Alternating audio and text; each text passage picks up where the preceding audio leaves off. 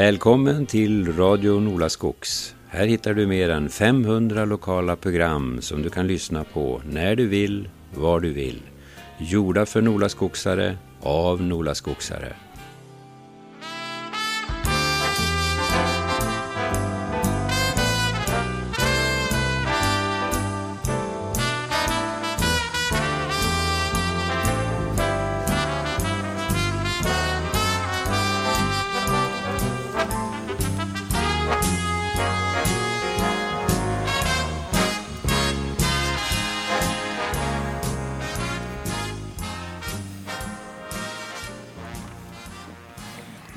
Välkomna till ett som vi hoppas informativt samtal om Gösta Hägglunds stiftelse.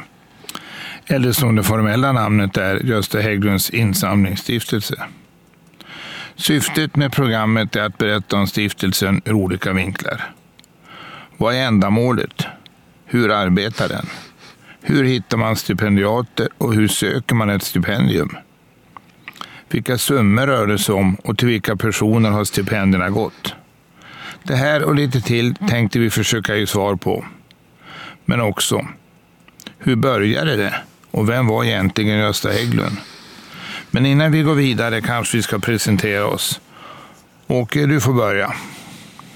Ja, visst.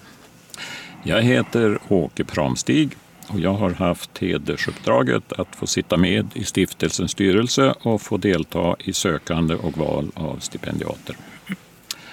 Till det hade jag kvalificerat mig genom att under större delen av mitt yrkesliv arbeta på Hägglunds. Främst med fartygskranar och hydraulmotorer och inom produktutveckling och marknadsföring. Ja, Per Gösta Hägglund heter jag och jag har nöjet att sitta i stiftelsens styrelse, men också att fått vara dess ordförande efter Christer Gunnarsson. Mer om Christer senare i programmet, fram till att Gösta Hägglunds dotterson Johan Hägglöf övertog klubban. Vad jag, kan, vad jag kan bidra med är kanske en djupare bild av Gösta som privatperson och som bror till min far. Men också med viss kunskap om Uviks näringsliv. Stiftelsen är helt fristående från påverkan och finansiering från kommun och samhället i övrigt. Förvaltningen av insamlade medel står dock under Länsstyrelsens tillsyn. Stiftelsen utser själv styrelse, men enligt statuterna ska det vara på följande sätt med sammansättningen.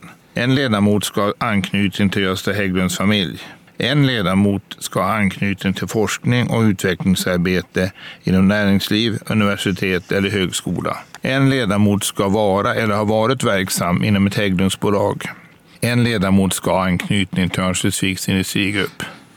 Berättelsen om Johan Hägglund och hans söner den är för många väl känd och dokumenterad. Men tiden går och för nya generationer är den inte lika välbekant. Här kommer nu alltså lite Hägglunds historia i sammanfattning. Den kan du, Åke. Jag försöker.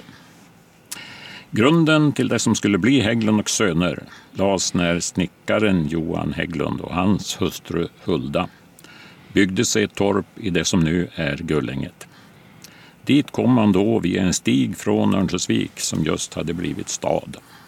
År 1899 så startades Johan Hägglunds snickerifabrik som till en början gjorde bland annat slädar och fönsterkarmar. Firman växte och så även familjen som utökas med tio barn varav två tyvärr inte fick leva till vuxen ålder. Men kvar blev åtta söner. Under 1910-talet började man tillverka möbler med ett par anställda. Och Johan Hägglund tillsammans med sönerna lånade pengar och bildade aktiebolaget Hägglund och Söner år 1922. 1922. Då med tre anställda utöver de äldsta sönerna. Och då påbörjades en företagsutveckling som är ganska unik. Och som Nestorn Kurt Nicolin har uttryckt det. Hägglundarna står som ett lysande exempel i svensk industrihistoria. Man började tillverka möbler och det gick bra. Störst i Sverige, norr, norra Sverige i alla fall, blev man. Man började med bussar och det gick bra. Där blev man störst i Sverige. Marknadsandelen var över 50 procent och nästan 10 000 bussar blev det till slut. Och några av de här bussarna hamnade faktiskt i Afrika. Eller hur PG? Ja, jag berättade för dig Åke tidigare om en semesterresa med svärmor och barn eh, till Gambia. Och när vi efter en flodtur kliver i land i en mycket liten och oansenlig by och ska åka buss tillbaka till staden Banjul så säger min fru, det här är min skolbuss. Den här åkte jag i till skolan. Och jag tyckte jag kände igen klockan framme i bussen. Och när jag tittade ut på buss nummer två som stod där, stod det Västersels busstrafik. Så där kan det gå. Det var en driftig Öviksbo som startade en busslinje i Gambia. Med Hägglundsbussar förstås. Vi har ju 10 000 bussar tillverkade och då kan man ju fundera på hur mycket har inte hänt på 10 000 bussar under alla år som har gått. Jag tror att vi låter Veronica Maggio ta hand om den frågan. Hon sjunger På bussen.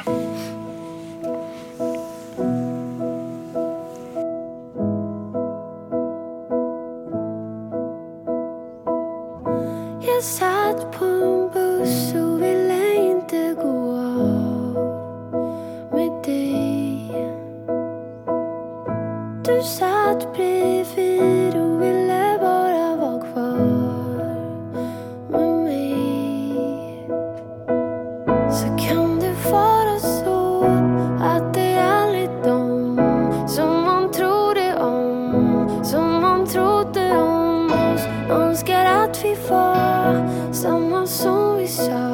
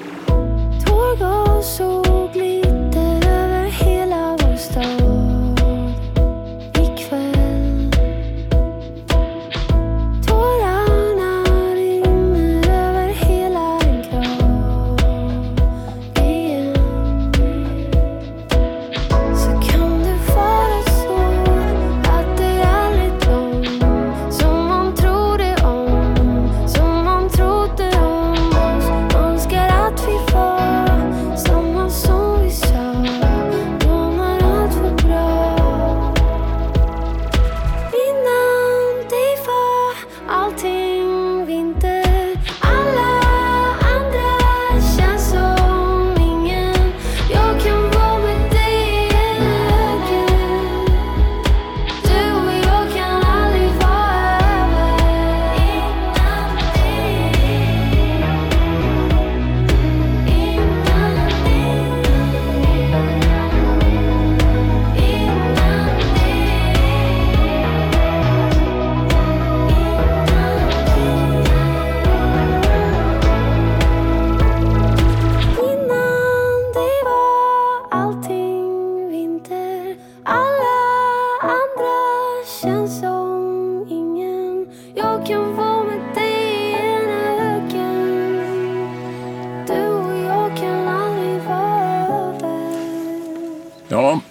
så kan det gå. Kunde man göra bussar så var steget inte så långt till rälsgående fordon. Men började, spårvagnar, började göra spårvagnar och det gick bra. Och rälsbussar och trådbussar blev det. Och när andra världskriget bröt ut, då var det 1939, då hade man 400 anställda. Och så kom kriget. Och då tvingas man till en drastisk förändring i verksamheten. Det blev tillverkning av gengasaggregat, mejerimaskiner, bastuugnar och skolbänkar för att nämna några. Och så började man ju att bygga flygplan. Och det gick bra. 125 stycken skolflygplan av typen SK25 blev det. Och det var en tillverkning som gav ny kompetens på många områden och som blev värdefull för den fortsatta verksamheten. Och det var ju roligt som någon av bröderna ska ha sagt. När så freden äntligen kom då, 1945, då var man 800 anställda. Man började göra elmotorer och det gick bra. De köptes senare ut av ASEA. Man började göra svetsmaskiner. Det gick bra. De köptes senare ut av ESAB. Och I mitten på 50-talet hade antalet anställda ökat till 1300. Man började göra militära fordon. Det gick bra. De lever nu vidare i Övik som BAE Systems Hägglunds. Man började göra hydraulmotorer. Det gick bra. De lever nu vidare i Mellansel med Bosch Rexroth. Man började göra fartygskranar. Det gick bra. De lever nu vidare som MacGregor med marknadsföring och utveckling i Övik och tillverkning i Kina och Korea. Man började göra maskiner för gruvor och tunnlar. Det gick bra. De övertog så småningom av Atlas Copco och Rock Machines. Man övertog en fabrik för betongelement, Nordbetong, som hade grundats av Gustav Hägglund. Det gick bra. Den är fortfarande livsnerven i Långviksmon under namnet Strängbetong som nu ingår i franska Consolis-gruppen. 1996 då hade antalet anställda stigit till drygt 2600. Då såldes delar av verksamheten, el och svets som vi sa, till ASEA för att kunna finansiera fortsatt utveckling av de nyaste produkterna. Sen gick det som för många andra framgångsrika familjeföretag. Alla aktier i familjeföretaget Hägglund och Söner köptes av ASEA 1972. Men än idag så sysselsätter de gamla Hägglundsföretagen många tusen personer inom Örnsköldsviks kommun, direkt eller indirekt. Det var historien om företaget. Nu måste du berätta mer om Gösta Hägglund, PG. Han var ju storebror till din pappa. Ja, och eh, Gösta och Pelle, som pappa hette, var också varandras närmaste medarbetare under ett helt arbetsliv. Pappa dog ju tyvärr så pass ung som 67 år gammal. Gösta fick ett långt liv. Personligen har jag många fina minnen från gemensamma upplevelser med Gösta. Både till sjöss och till bords, om man får uttrycka sig så. Gösta var för mig en varm person. Men jag kan förstå att han i sitt arbete bemöttes med mycket stor respekt. Gösta Hägglund skapade tillsammans med sina bröder aktiebolaget Hägglund och Söner Örnsköldsvik. Han var under sin verksamma tid den tekniska drivkraften i företaget. Han var hedersdoktor vid Tekniska universitetet i Luleå och mångårig medlem i Ingenjörsvetenskapsakademin. I takt med företagets expansion så hade en utpräglad arbetsfördelning vuxit fram mellan bröderna. Det skilde också ganska många år mellan bröderna, den yngsta och den äldsta. Man slussades in i verksamheten så att säga. Gösta och Pelle var de dominerade aktieägarna. Pelle var direktör, verkställande direktör som höll i ekonomin och företagets tyglar. Hans stora intresse var försäljning. Gösta var disponent med ansvar för det tekniska, konstruktion och tillverkning. Pelle sålde och jag tillverkade, har Gösta sagt. Men den utveckling som skedde hade inte alls hänt om inte familjen hade hållit ihop och samtidigt lyckats knyta utomordentligt skickliga medarbetare på alla plan till företaget. Olika slag av fallenhet och intresse hos de sju bröderna gav tillsammans med en för bröderna ovanligt välutvecklad förmåga att gilla varann och komma överens, tyngd och bredd åt samarbetet. Gustav skötte företagets interna angelägenheter. Harald var verkstadschef. Erik och Ragnar arbetade båda med busstillverkningen. Olof, Olle, skötte de tekniska produkterna. Pappa Johan Hägglund var styrelseordförande.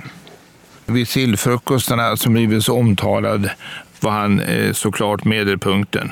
Varje förmiddag samlades hemmavarande bröder i köket hos pappa Johan och åt stekt sill och potatis. Ett bättre tillfälle för gemensam information är svårt att föreställa sig. Apropå sillfrukosten så berättas det att Erik Hägglund blev stoppad på fabriksområdet av en medarbetare som behövde ett besked. men fick veta. Det får vänta, nu ska jag hem, nu ska jag gå och sätta på pären till frukosten. Gösta var innovatören som såg möjligheter och inte problem. På problemen fanns alltid en lösning, menar han. Hans kreativa idéer och vidsynthet vad gäller tekniska produkters framtida efterfrågan ställda mot Pelles ekonomiska försiktighet. Det ledde säkert till djupa diskussioner innan man var överens om tagen. Hägglundsbröderna var intresserade av båt och skärgårdsliv. Det var en del av fritiden. Därför tycker jag vi tar och släpper fram Jussi Björling med den otroligt pampiga Till havs.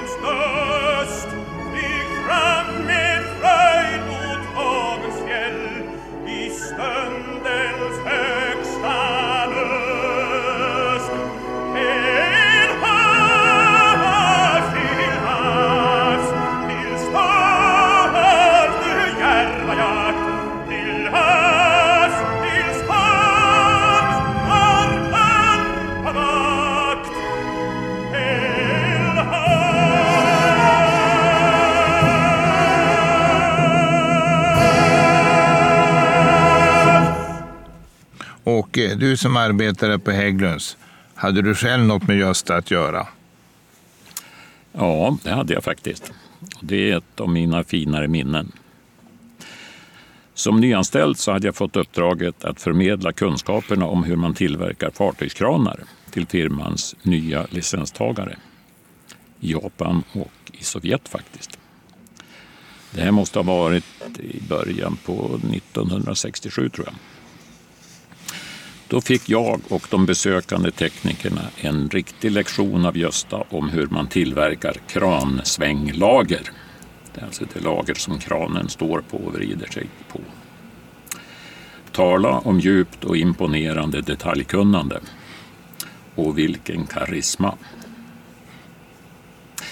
När jag sedan fick börja med det jag var anställd för, att arbeta med produktutveckling, så var det enormt stimulerande att uppleva hur intresse och entusiasm för nya produkter och konstruktioner var en ständig drivkraft i företaget.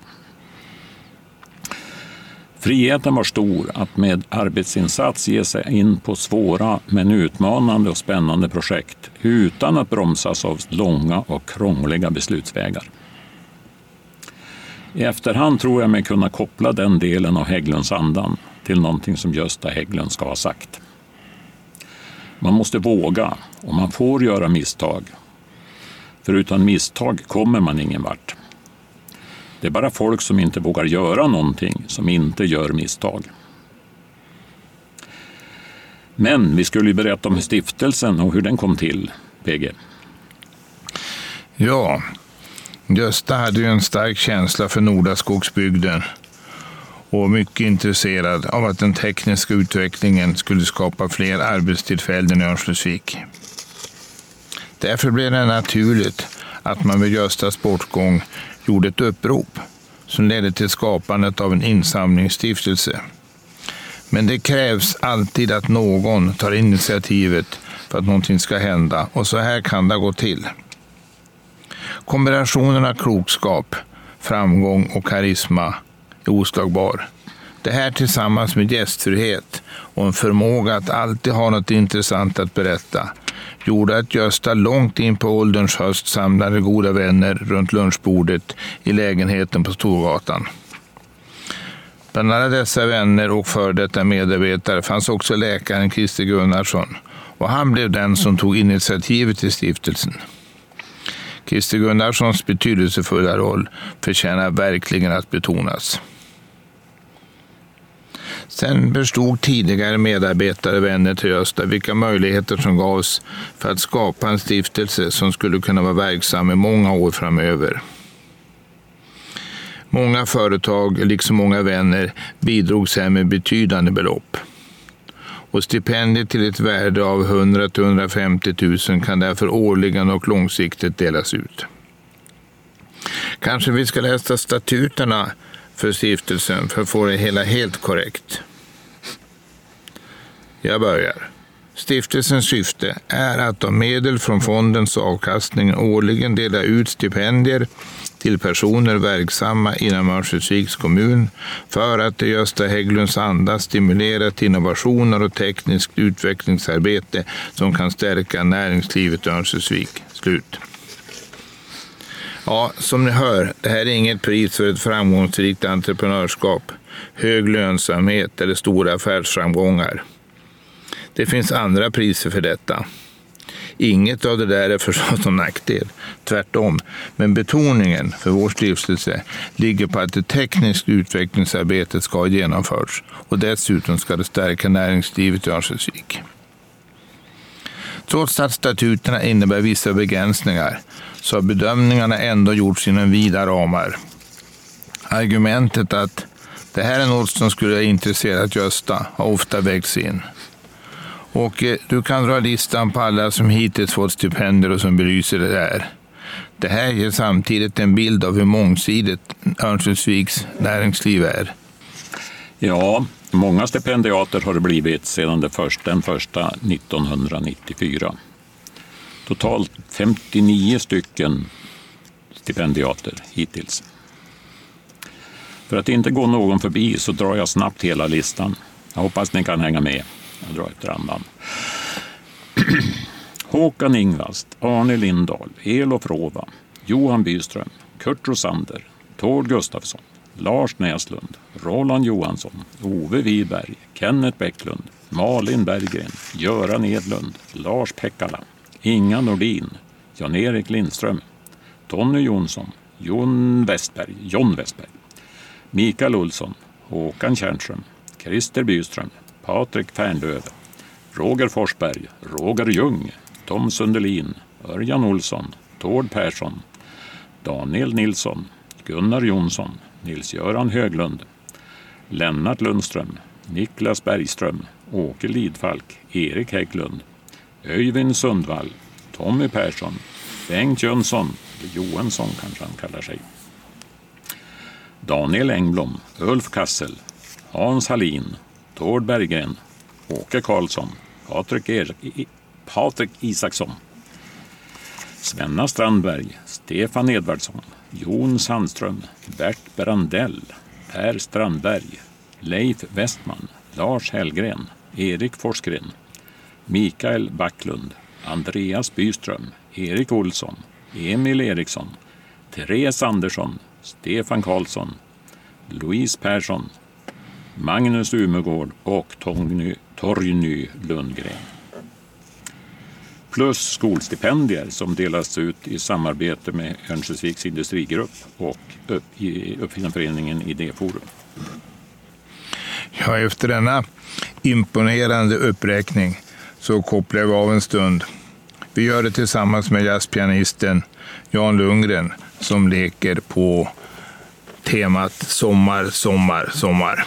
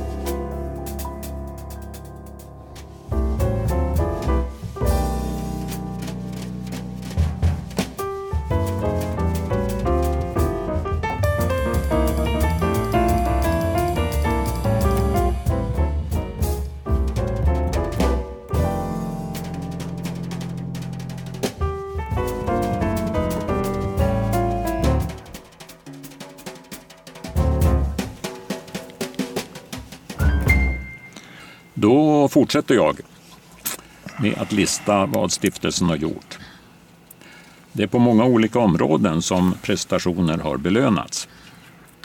Det är oljerening, produktionsstyrning, automatiserad rörtillverkning, spännkraftmätning, hundbajspåsar, dammsugar, dammsugarmunstycken, förpackningstoalett, återvinningsanläggning, brandvägg, specialpapper, tribologi, bergkrossning, sågsmaskiner, byggelement, modulariserade fartygskranar, fiberanalysgivare, lignosulfat i pulverform, skogsgödsling från helikopter, dataomvandling, simuleringsprogram, möbelsystem, kompetensutveckling, mediaproduktion, autonoma fartygskranar, vibratorutrustning, luftrening, motorcykelkonvertering, dagvattenrening, program, programvaruutveckling och desinfektion.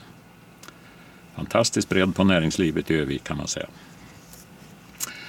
Och de lokala företag som bygger på eller har utnyttjat de här belönade presentationer det är Hydak, Domsjöfabriker, BAE Systems Hägglunds, Tordab, Järvenplast och Smide, Klavister, Sjöbloms, Domsjöfabriker, Skogsflyg, Casselero, Bosch Rexroth, PJ Jonsson, Elforest, Lätt Element, MacGregor, Palpaj, Mopsys, Sanmina, Specma Edvardssons, ITH, Live Channel, Exero, Voc Technology, Brutalteknik, Järven Ecotech, Metsoboard, Flexit och Ekonomist.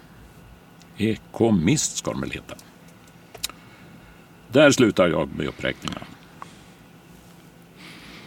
Ja, man skulle kunna tro att förhoppningsfulla sökande till de här stipendierna skulle stå i kö. Men så har det inte varit. Det kan bero på att folk nordaskogs är både blyga och anspråkslösa och inte vill framhäva sig själva. Jag tror inte riktigt på det heller. Jag tror snarare att man är så sysselsatt så att man blir mest förvånad när man blir uppringd och får veta att man är den som eventuellt ska få ett stipendium. Nu har det här inte hindrat oss från att hitta välförtjänta kandidater. Styrelsen har ett stort nätverk och det har gett oss flera kandidater att titta närmare på. Proceduren är enkel. Ingen särskild ansökan behövs och efter att ha identifierat ett antal presumtiva stipendiater, nästan alltid kombinerat med ett besök i verksamheten, så utser vi stipendiaterna. Eftersom utdelningen brukar vara i anslutning till Öster Hägglunds födelsedag i början av februari så brukar vi ta hösten på oss och meddela den lyckliga nyheten i god tid före jul. När det sen kommer till själva utdelningen, då har vi hela tiden strävat efter att ge den trevlig men ändå högtidlig inramning. Alltid blommor, alltid musik och diplom och givetvis en prischeck. Platsen har varierat, men vi har alltid kunnat räkna med cirka 70 deltagare. Ett speciellt tillfälle det var i år när vi på grund av pandemin höll till på dansbanan i Skeppsmålen. Vi hoppas att alla våra pristagare under åren har sin kväll som ett riktigt fint minne. Ett annat inslag under kvällen som nu har blivit, fått några år på nacken är att BAE Systems, Hägglunds, Bosch Rexroth, MacGregor och Strängbetong genom sina befattningshavare, har faktiskt genom sina ledande befattningshavare, ger sin syn på dagsläget och i framtiden i respektive företag. Alla med ursprung i Hägglund och Söner. Det här är ett eh, helt unikt tillfälle att få ta del av vad som pågår, vad som finns i pipeline och vad har vi, vi som Öviksbor har att se fram emot. Lite extra var det i år när BAEs VD kunde rapportera rekordförsäljning och att Modo numera har Hägglunds arena som hemmaplan. Det finns en likhet mellan Gösta Hägglunds stiftelse och Hägglunds arena, nämligen att de är delar av en historia som vi Öviksbor äger tillsammans och som har en positiv syn på framtiden. Avslutningsvis Vill du komma i kontakt med Gösta Hägglunds stiftelse för att veta mera, söka ett stipendium eller föreslå en kandidat, kontakta vår ordförande Johan Hägglöf. Nu tackar vi för oss och det finns ingen anledning att inte avsluta med Satchmo och When You're Smiling.